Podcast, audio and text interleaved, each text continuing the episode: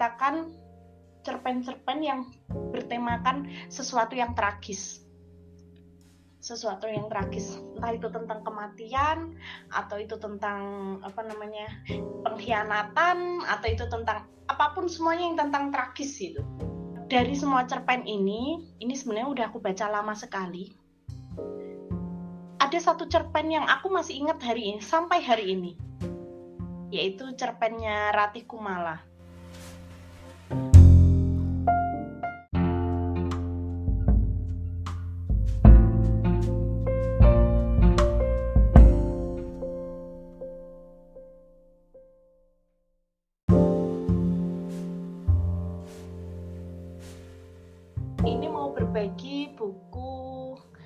kumpulan cerpen judulnya Smokol. Jadi ini sebenarnya uh, tiap tahun itu Kompas itu selalu mengadakan uh, cerpen-cerpen pilihan mereka yang terbit di hari Sabtu atau Minggu itu dipilih yang paling bagus, kemudian diseleksi siapa pemenangnya. Pemenangnya akan dijadikan judul. Smokol. Ini cerpen-cerpen pilihan Kompas tahun 2008. 2008 jadi sudah lama sekali. Ini saya dapat bukunya dari teman saya. Jadi ceritanya teman saya waktu itu dari Jakarta dia uh, ada pameran buku bekas atau bagaimana gitu. Terus dia membeli semua buku kumpulan cerpen dari Kompas. Dan itu semuanya dipaketkan ke, uh, ke kosanku. Dan sampai hari ini belum diambil sama si empunya. Jadi sampai bentuknya seperti ini nih warnanya ya. Uh, smokol ini ada banyak penulis. Dari smokol ini menceritakan cerpen-cerpen yang bertemakan sesuatu yang tragis. Sesuatu yang tragis. Entah itu tentang kematian atau itu tentang apa namanya pengkhianatan atau itu tentang apa pun semuanya yang tentang tragis itu uh, dari semua cerpen ini ini sebenarnya udah aku baca lama sekali ada satu cerpen yang aku masih ingat hari ini sampai hari ini yaitu cerpennya Ratih Kumala ini harus dibaca ya Mbak Alfi ya. ini cerpennya Rati Kumala. Itu judulnya, aku akan menceritakan masih paling ku ingat aja ya. Judulnya Rumah Duka, Rati Kumala.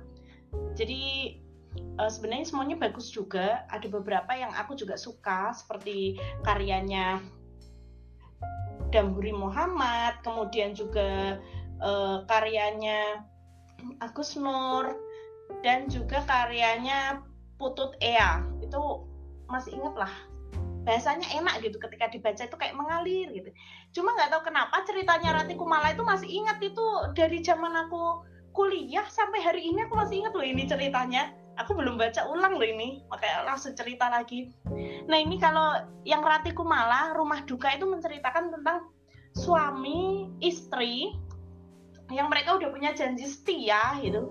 Nah, si istri itu berprinsip bahwa kalau suami jajan terserah, yang penting dia tidak nikah lagi gitu. Tidak apa ya, punya simpanan gitu.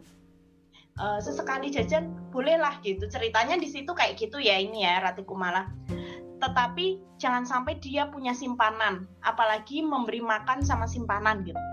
Sampai akhirnya itu uh, suaminya ternyata punya simpanan kayak gitu dan itu diketahuinya itu waktu suaminya meninggal jadi nggak ada yang tahu kalau dia punya simpanan sampai suaminya itu meninggal gitu suaminya meninggal tiba-tiba ada gadis datang dan dia ternyata simpanannya. Nah sedikit ini sih sedikit miris disaksikan banyak orang terus simpanannya datang terus dia bilang boleh nggak aku mau meluk gitu. Boleh nggak aku mendekati apa namanya uh, cintanya dia? gitu kan. Nah itu kan uh, sedikit mungkin patah hati si istrinya gitu kan. Merasa bahwa dia seperti apa ya seperti janji setianya itu dilukai gitu. Antara dia itu mau sedih atau apa bingung di hari kematian suaminya kayak gitu. Karena perselingkuhan itu tahu ke, uh, diketahui ketika suaminya meninggal. Gitu. Dan caranya ini loh caranya bercerita yang unik. Jadi ini kan dia agamanya ini agamanya diceritakan sama Rati Kumala ini Nasrani gitu kan. Harus pakai apa ya didandanin gitu kan. Kalau kalau meninggal gitu kan. Nah itu kan harus didandanin harus pakai jas gitu kan suaminya. Nah dia itu bingung nyari apa dasinya. Nggak ketemu ketemu tuh dasinya yang paling dicintai suaminya dan nggak pernah ganti gitu kan. Dicari sampai akhir tuh nggak ketemu ketemu ternyata itu ada wanita yang tiba-tiba datang ke situ dan dia apa namanya memakaikan dasi itu. Terus dia bilang e, suamiku terlihat tampan oleh si perempuan ini. Itu rasa gimana ya? Antara pengen nangis atau apa ya kasihan aku ngelihat bacanya itu kasihan gitu loh si tokohnya.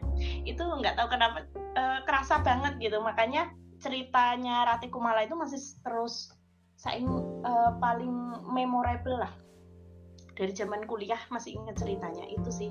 Dan kalau dari judulnya kan semokol semokol itu kan e, cerpennya Nukila Amal. Sebenarnya cerpen Nukila Amal ini bagus can cakep gitu. Mau bilang cantik. Bahasanya e, ini apa ya puitis gitu loh. Aku merasa nggak tahu kenapa ketika aku membaca cerpen-cerpen ataupun tulisan-tulisan Nukila Amal itu kadang gimana ya uh, aku terhanyut di dalamnya tapi aku nggak mudeng-mudeng maksudnya apa gitu nggak paham gitu. Sampai hari ini pun udah baca semokol judul yang judulnya semokol aku masih nggak paham itu apa sih. Nggak nggak paham ini mau ke mana gitu. Cuma nggak tahu kenapa ada kayak perasaan ada perasaan sedih banget gitu. Sedihnya itu kayak kayak oh ya uh, udah jatuh ter, ter, tertimpa tangga gitu.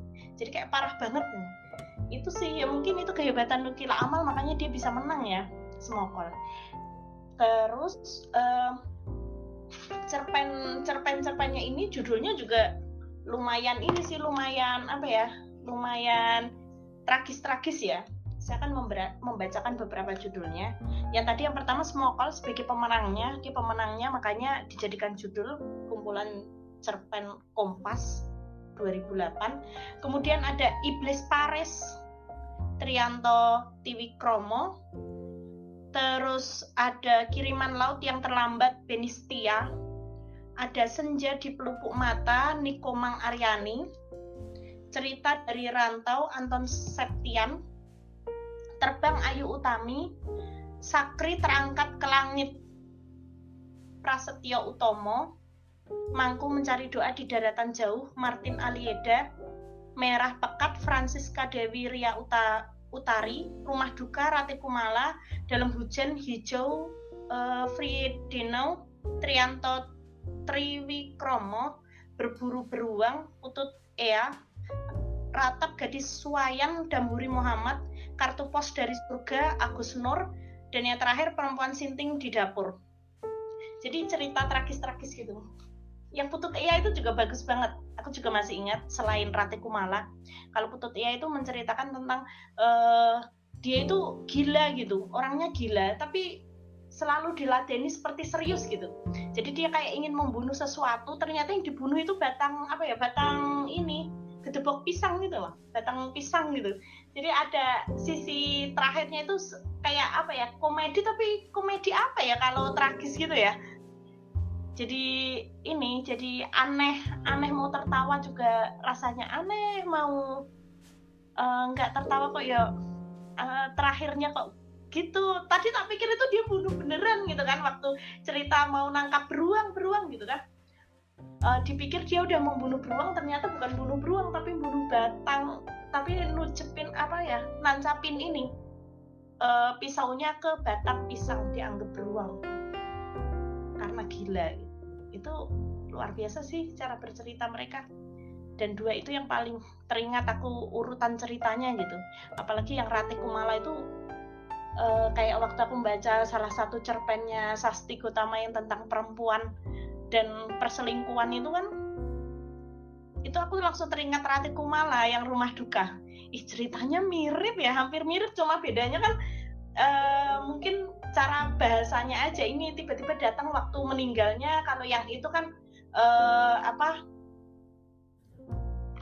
Yang si Sasti itu dia menceritakan bagaimana prosesnya caranya men mengambil suaminya kan gitu. Cuma sama premisnya sama aja sebenarnya. Cuma cara penceritaannya beda. Makanya ketika baca itu dan uh, cerpen itu juga masuk. Cerpen Kompas tahun kalau nggak salah tahun kemarin apa tahun sebelumnya itu jadi kayak teringat ih berarti Kumala rumah duka. Mirip mirip sekali gitu kan. Jadi eh, Semokol menurut saya salah satu kumpulan cerpen Kompas yang bagus. Dan eh, penulis-penulisnya juga eh, salah satu apa mereka penulis-penulis yang buku-bukunya cerita-ceritanya pernah saya baca juga kayak gitu. Itu sih Mbak Alfi dan teman-teman semua.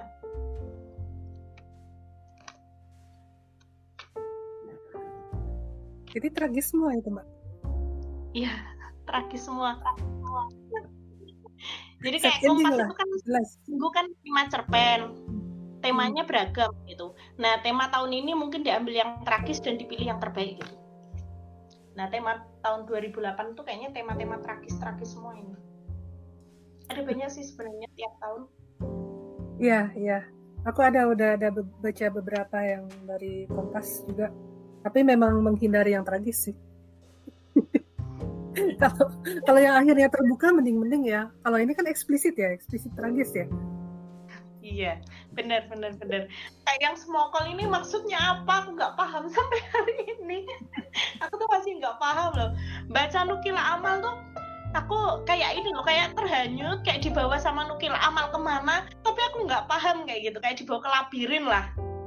Jadi kadang aku mending tak tinggalin tuh apa uh, cerpen-cerpen atau tulisan nukila amal. Karena biasanya kalau dia terhanyut kepikiran terus ini maksudnya apa ya? Ini maksudnya apa ya? Nggak selesai selesai kayak gitu. Itu sih. Aku kayaknya kalau novel apa cerpen kompas jarang bisa paham ya iya lewat bingung. Nggak tahu ya, ya. kayak berat gitu ya. Apa sih? Apa ya mereka tuh? Bukan hanya berat tapi apa? Apa istilahnya? Ya bukan arti yang sesungguhnya gitu ya. Nggak nggak lugas gitu kan. Hmm. apa nyastra lah ya. Oh, oh sastra banget tuh. Udah Kayaknya tahun 2008 itu masih apa ya? Masih tenar-tenarnya kompas dan cara kepenulisan yang sastra banget gitu loh Mbak Santi. Hmm, Iya kayaknya ya aku nggak nggak sanggup baca yang ya. kayak gitu gitu kan kayaknya.